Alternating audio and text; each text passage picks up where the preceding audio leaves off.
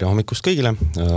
eetris on Delfi erisaade, minu nimi on Raimo Poom ja äh, muidugi äh, käsitleme äh, jätkuvalt seda, mis kõik puudutab äh, ja seondub äh, selle väga keerulise olukorraga, mis, mille on tekitanud äh, Ukraina sõda, aga seekord suuname pilgu natukene ka kodumaale Äh, ehk siis äh, äh, mul on hea meel täna stuudios tervitada Eesti Raudtee juhatuse esimeest Kaido Zimmermanni, tervist. tere. ja eelkõige rääkida sellest, kuidas need mõjud jõuavad ühte niisugusesse majandusharusse. kuidas te näete seal oma tegevuses seda, mis, mis see on kaasa toonud, sest et eks nüüd me hakkame nägema seda erinevates majanduse Äh, osades, kuidas, äh, kuidas siis äh, see jõuab ka meieni konkreetselt. Ähm, raudtee on selles mõttes eriti nii-öelda avatud nendele mõjudele, et noh, me siin kõik räägime hoogsalt, et, et Venemaale tuleb panna sanktsioone ja, ja tulebki panna ja tulebki piirata nende Äh, võimet seda sõda seal Ukraina vastu pidada. aga ma kujutan ette, et, äh, et teie võite vist äh, juba, juba mõnda aega ärgata iga hommik ja, ja, ja vaadata korraks uudistesse, et milliseid sanktsioone on jälle tulnud. kas on tulnud, kas need puudutavad otseselt teie äri, sest et Venemaa kaupu ju ikkagi veetakse raudteel jätkuvalt, et et kas see on nii, et, et praktiliselt iga hommik tuleb vaadata, mis nüüd muutunud on? jah, kahjuks küll, et me peame kogu aeg selle sõja tõttu olema valvel ja täna on äh, tõesti see, et need äh, sanktsioonid võetakse vastu kuskil keskpäeval või õhtul ja hakkavad kehtima hommikust, nii et me tavaliselt, äh, kui meie inimesed ärkavad, ega me täpselt ei teagi, et mis, millised sanktsioonid on peal, nii et hommik hakkab sellega, et siis vaadatakse kõik Euroopa dokumendid üle ja ja saadetakse infot ka ministeeriumite kaudu, mis vahepeal tulnud on ja, ja siis hakkame vastavalt tegutsema. Mm.. aga mis see seis praegu on äh, nagu siis just äh, Venemaa ja, ja siis ka Valgevene kauba, kauba vaates, mis ma saan ikkagi aru, on, on suur osa sellest, äh, mida siis äh, raudtee on ju vedanud ähm, äh, erinevatel aegadel, et, et mis, kas, kas need on juba mingisuguseid vedusid puudutanud, ähm, mis osas ja, ja, ja mis mis see seis praegu on? noh, sanktsioonid toimivad väga hästi, et kõigepealt siis lõppes ära esimesest märtsist meil Valgevene naftatoodete vedu, et seda enam ei ole. Siis järgnevalt pandi seisma Eurochimi Äh, terminalid, kõik, mis siin on Eestimaal, et ka seda väetist enam ei ole, seda me vedasime kuskil kolm pool miljonit tonni aastas, eelmine aasta. ja nüüd aprilli alguses siis hakkasid kehtima ka sanktsioonid TBT-le Muugas ja, ja Sillamäel ehk et ka siis seda puisteväetist ja, ja ammoniaaki enam ei tule, nii et kõik äh, oligarhid ja, ja Valgevene nafta on siis, mis on sanktsiooni all, enam läbi Eesti ei sõida. et täna põhimõtteliselt meil tuleb äh, üksikud vagunid üle piiri äh,, mis käisid ka varasemalt, kus on siis äh, eksport-import rohkem natukene mingeid kemikaale siin äh, Alexelale tootmise jaoks, äh, natukene sinna äh, Kohtla-Järvele, kus on tehased. välja läheb meil palmiõli Venemaa poole siit, mis tuleb Paldiski kaudu sisse ja see on nendes vanades kaupades kõik, et põhimõtteliselt meil käib seal küll kümme, kümme kuni, kuni kakskümmend vagunit üle piiri praegu nii vähe? Jah, et see on see kaup, et äh, muidugi tuleb üle Valga veel Orlenine äh, siis Eesti tarbeks äh, kõikvõimalikke kütuseid siis. aga noh, praegu võib öelda, et äh, aktiviseerunud on siis äh, kasahhid, usbekid äh,, kuna ennem nende kaup käis äh, läbi Musta mere, siis täna Musta mere sadamad on nende jaoks äh, kas kinni või, või need laevad põhimõtteliselt ei saa sinna mm, -hmm. ei taha sõita ja selle tõttu on nemad siis hakanud otsima võimalusi vedada siis kaupu läbi, läbi teiste sadamate ja Baltikum, Soome on siis nende sihiks praegu ja hetkel on siis üle väga pika ajaga Venemaa lubanud siis Kasahstani kaupa läbi Venemaa Eesti suunas. ehk et meil on laetud äh, vilja äh, Kasahstanis äh, Muuga viljaterminalile. küll väike partii esialgu, aga loodame, et sealt tuleb rohkem. ja ka masuuti on siis Alexelale tulemas, nii et väiksed kogused hakkavad nüüd jõudma varsti Eestisse. ja Vene pool on siis veel nüüd alustanud Äh, mingi metallimaagi nagu vedu esimesed paar rongi on tulnud, mis läheb Belgiasse, Belgia metallitehastele. et need on need kaubad, mis meil täna, täna on siin mm.. enne kui ma edasi lähen, ma ja pean küsima ka seda, et noh, et Euroopas arutatakse väga palju selle nii-öelda Venemaa energia äh, siis embargode üle, et äh, see läheb niimoodi vaikselt-vaikselt. teame, et, et see on äh, mõnedele riikidele hästi raske, aga mis puutub just naftasse, et äh, et kui Euroopa peaks kehtestama naftaembargo äh, Venemaale, siis see, ma saan aru sellest jutust praktiliselt ei mõjutakski teid, sest seda pole nojah, nafta nad suunasid juba pärast äh, pronkssõdurit oma sadamatesse. Et on siin tulnud väiksemaid koguseid küll äh, aeg-ajalt äh, läbi, aga nad pole lihtsalt lubanud läbi Eesti sadamate seda vedada. mööda raudteed, muidugi sadamad ise on, on, käitlevad seda, et neid mõjutab see kindlasti, kuna tuleb laevaga sisse ja läheb laevaga välja, sest et Eestis on väga suured hoiustamise võimalused. miljonites tonnides on võimalik Eestis hoiustada naftatooteid ja selle tõttu sadamad on selle peal töötanud varem mm.. see ongi see huvit-, selles mõttes, et mis see, mis see praegune seis tähendab teile nii-öelda äh, majanduse, majanduse mõttes, et, et noh, need asjad siin praegu tulevad, äh, noh, lootust on, et kasahhid, usbekid tulevad võib-olla mingisuguste kaupadega, et, et äh, millelt te raha teenite siis, kui, kui, kui rongid ei sõida praegu? no Eesti Raudteel on kaks suunda, üks on kaubavedu, teine on reisivedu et eelmine aasta meil oli umbes äh, tulu kolmkümmend miljonit eurot äh, infrastruktuuri tasudest ja, ja sellest siis pool tuli reisivedude pealt ja pool tuli kaubavedude pealt.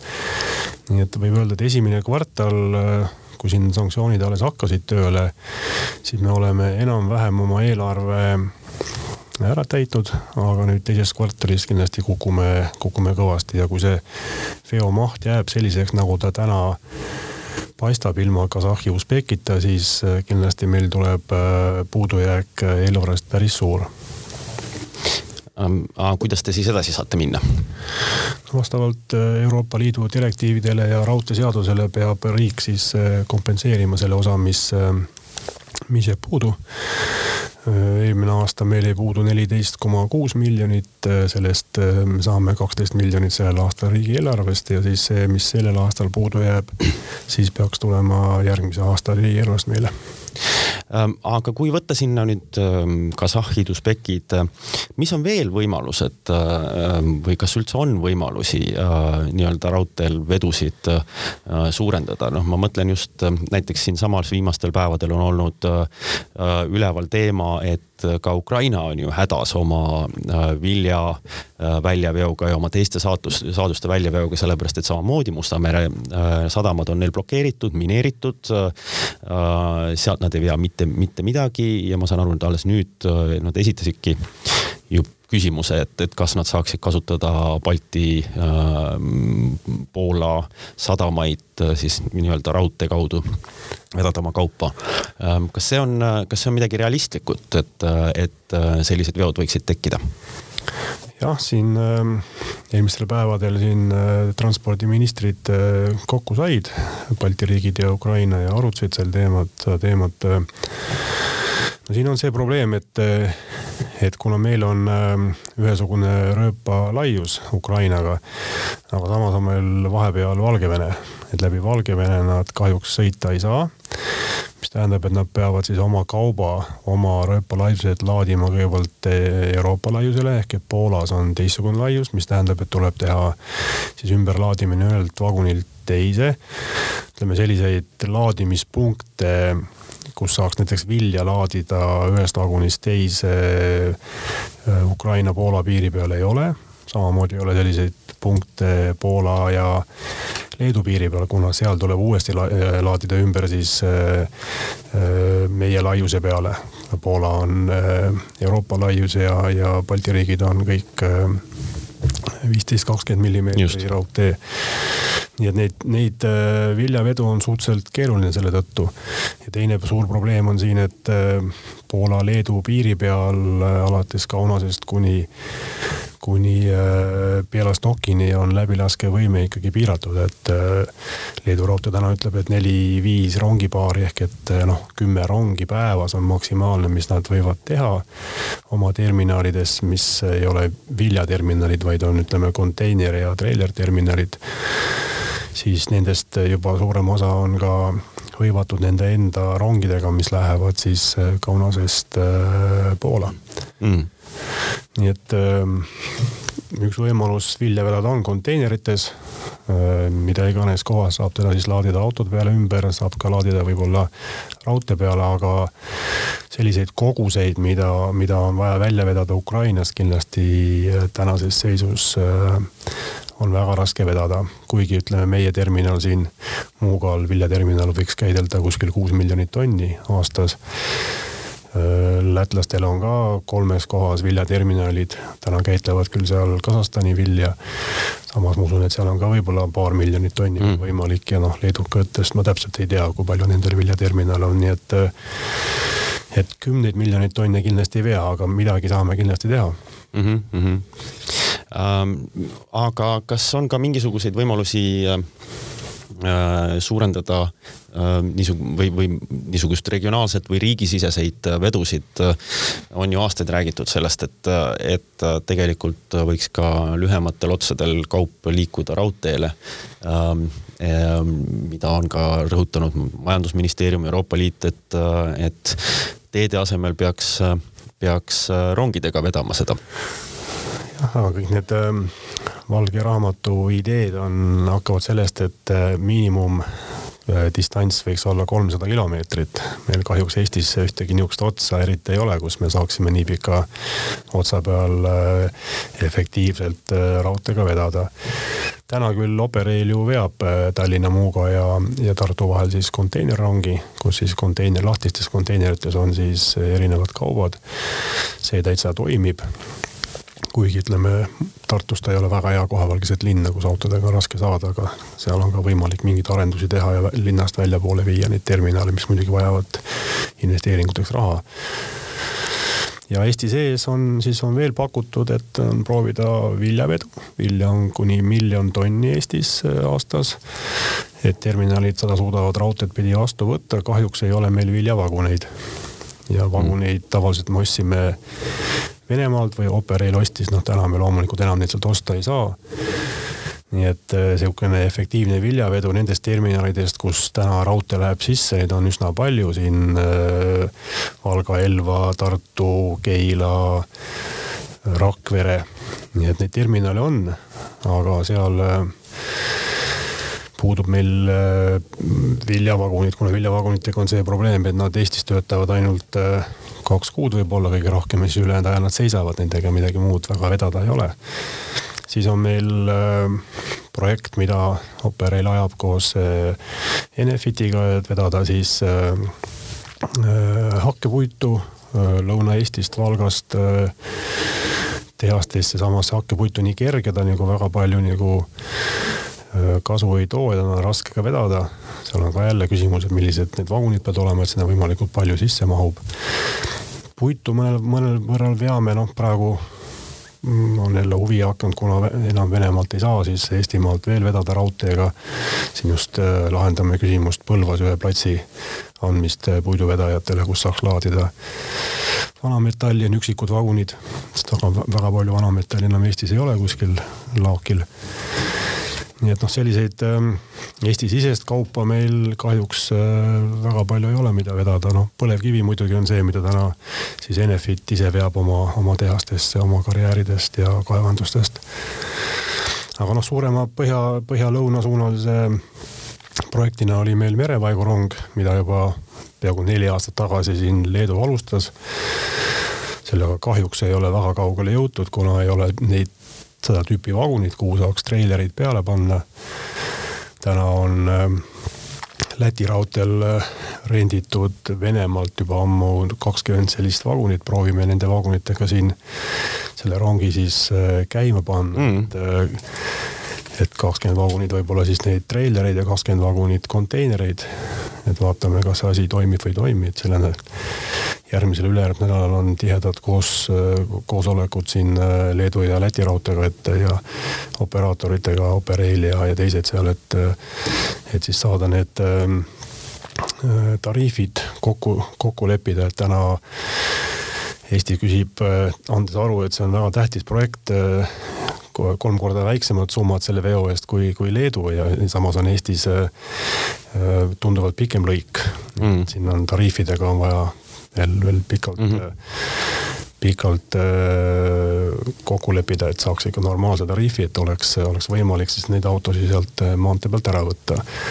aga noh, teistpidi me jookseme jälle kinni Kaunase terminalis, kus on seesamane neli-viis rongipaari nagu läbilaskevõimet, et kui me oma treilirongiga sinna lähme, siis sa pead edasi sealt saama ka Euroopa poole, kui seal läbilaskevõimet väga ei ole enam, et siis ähm, siis on sellega ka probleem, et väga suuri koguseid selle rongiga ka ei vea, et mm. -hmm. Aga ähm, tuleme teise poole juurde, et, et ähm, kõik, eks vaatavad väga närviliselt, mis toimub ehitusturul. Äh, sellepärast et, et noh, siin juba rääkisime vagunitest ja mida ei ole ja, ja, ja nendest kaupadest, aga teine pool, mis seda sõda on kaasa toonud, on toonud kaasa selle, et, et Äh, on igasugused tarneahelate katkemised, äh, ehitusmaterjalide laekumised on, on muutunud ebakindlaks, väga palju ju toodi niisugust äh, näiteks rauda või, või terast toodi noh, Ukrainast, Ukrainas on rünnaku all, Ukraina ei saa seda toota, Venemaalt taaskord igasugused probleemid, isegi kui see pole keelatud, on see väga nõme on sealt lihtsalt osta seda materjali et äh, samas äh, teil on ju ees äh, tohutu hulk ehitusi, kui vaadata järgmiste aastate peale või ka selle aasta peale.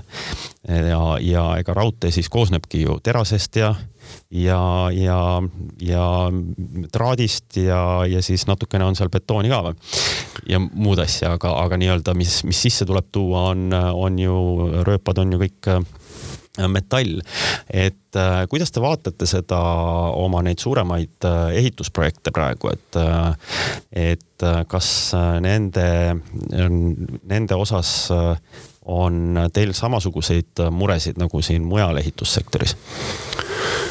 jah, eks ikka on, ma arvan, et kõik meie ehitajad, kellega meil täna hetkel on kehtivad lepingud, on meile saatnud kirja, et on force majeure olukord ja küsivad siis äh, hinda või aega juurde. et nendega me kõikidega eraldi tegeleme. Õnneks need lepingud, mis meil on hetkel kehtivad, need on sõlmitud eelmise aasta sügise poole. suurem osa nendest töödest on äh, lõpu korral.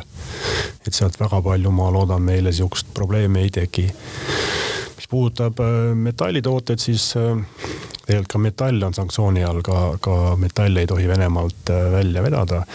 Õnneks ei ole Eesti Raudtee juba kakskümmend aastat Venemaalt äh, ostnud äh, rööpaid, tavaliselt võidavad need hanked Euroopa tootjad, aga praegu meil on laev liikumas Eesti poole rööbastega, et need tulevad Hispaaniast. Need hanked on meil, meil on viieaastased lepingud sõlmitud tootjaga, nii et me loodame, et siin siin äh, meil nagu sellega puudujääki ei teki, samamoodi on meil laod juba täis äh, liipreid, mis meil on, tulevad Rakvere tehasest, need hanked olid ka tehtud eelmine aasta. Äh, seal muidugi on, kuna seal on armatuur sees ja, ja seal võib tekkida meil küsimusi, et kas nad suudavad seda hinda hoida. aga ülejäänud meie materjal on põhimõtteliselt äh, kruus, liiv, mis on meil Eesti toodang, et need, need on meil ja siis noh, kus muidugi on mõju, on autokütused, eks, et kõik need äh, ehitustehnika äh, kasutamine on kallim ja, ja tööjõud muidugi nendel on kallim.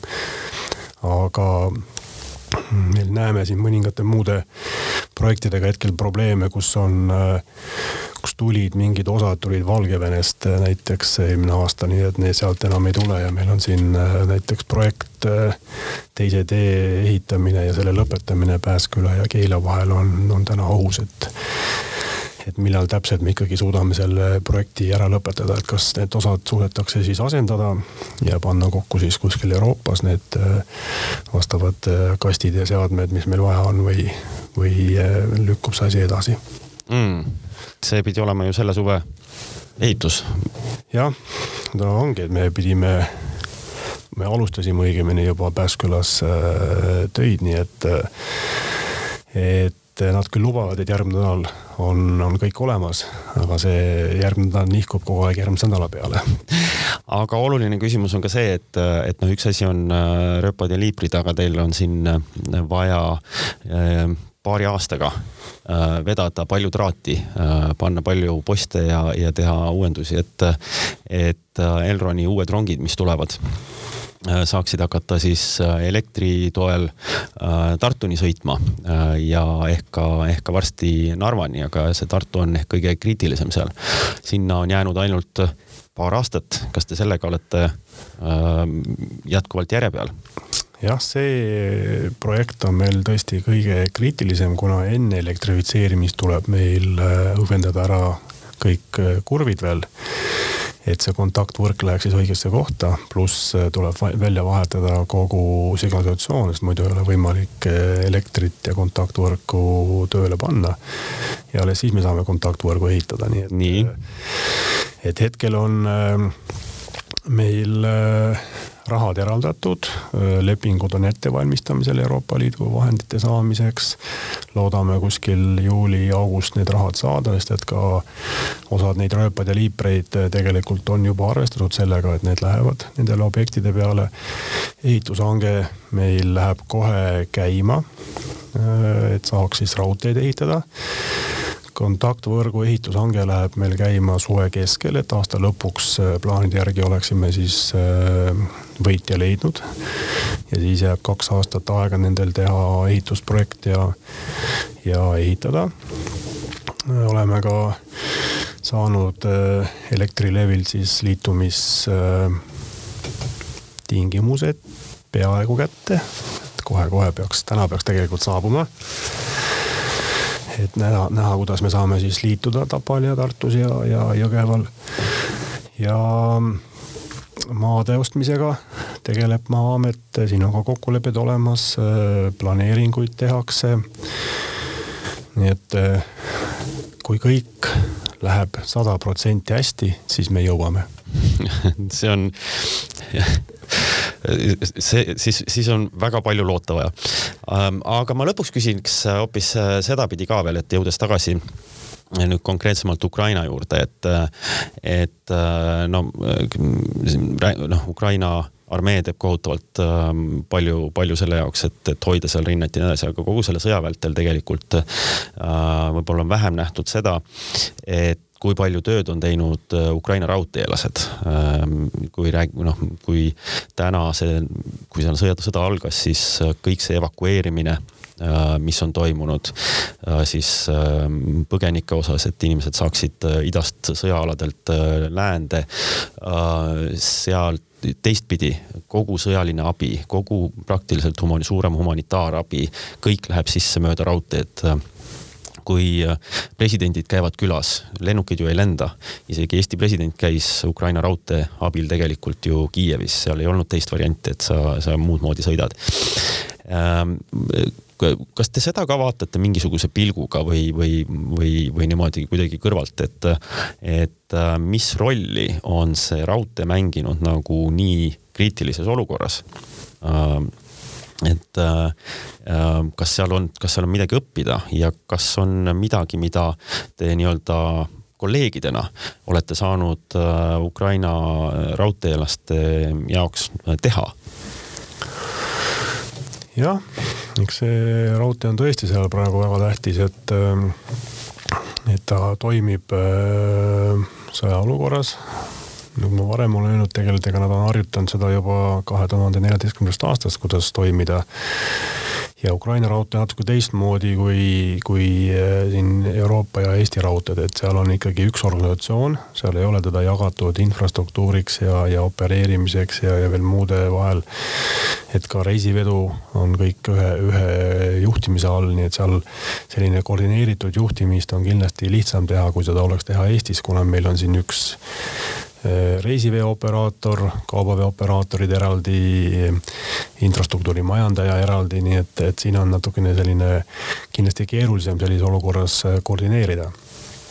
aga seal on, nad on sellega täna seal hästi hakkama saanud äh, juba kuskil kuu aega tagasi nad saatsid kõikidele riikidele välja nimekirja oma varuosadest, mida nad vajavad selleks, et raudteed käigus hoida meie ja ma tean, et ka Läti ja Leedu raudteed kõik vaatasid oma varud üle. noh, võib öelda, et meil nagu Eesti, Eestis nagu väga palju enam selliseid varuosasid ei ole, kuna me oleme juba, juba kolmkümmend aastat pööranud ennast nagu Euroopa poole oma, oma nagu seadmete ja asjadega, aga siiski me leidsime veel äh, näiteks trafosi, leidsime raadiosaatjad, mis on ka nendel kaasaegsed, seal leidsime sideseadeid, mida me saame saata. ja loomulikult me saatsime oma siis äh, neli äh, raudteehooldusautot nendele, mis meil on käigust maha läinud, aga, aga nad veel kindlasti töötavad edasi, millega on siis võimalik mööda raudteed sõita ja, ja siis võtta kaasa varuosad ja tööriistad ja remontida siis raudteed, pluss mingeid järelkärusid ja veel mingid muud tehnikat, mis, mis nad äh, palusid meilt, nii et need on nüüd täna koha, kolmapäeva õhtul jõudsid kohale tegelikult juba mm., nii et nad on seal ja vastu võetud juba ja meie vedukid tulevad juba tagasi mm. -hmm. okei okay Äh, ja selles mõttes, et, et noh, kindlasti, kindlasti äh, äh, kuluvad sinna ära, sest et ega siis ähm, raudtee on teinud imetööd, aga nad on ka saanud pihta kõvasti, nii et seda parandamist ja seal aladel, kus on näiteks vabastatud, on olnud väga palju seal seda tööd. Jah, ja meil on meie eraoperaatorite vaguneid on kuskil tuhat vagunit praegu Ukrainas ähm, justkui nagu info järgi nad äh, purustatud ei ole. Äh, mõningad seisavad mõnes jaamas, mõningad töötavad, sest seal on nagu sõjaseisukohal selle raames siis äh, võidakse teiste riikide omanike vagunit siis kasutada sõjatarbeks, nii et osade meie siis Operaili ja, ja teiste omanike vagunid seal kuskil töötavad loodame, et nad kõik säilivad selle sõja jooksul, et nad saavad kõik pärast nad siis tööle panna veel mm. -hmm igal juhul äh, suur tänu äh,, Kaido Zimmermann täna Delfi erisaate stuudiosse tulemast ja nendel teemadel rääkimast äh,. käed-jalad on tööd täis, ei saa teid rohkem kinni hoida. tuleb äh, jälle minna vaadata, mis, äh, mis ja kuidas äh, täna hommikul reageerida mina ütlen aitäh kuulajatele ja Delfi erisaade on eetris taas homme, aitäh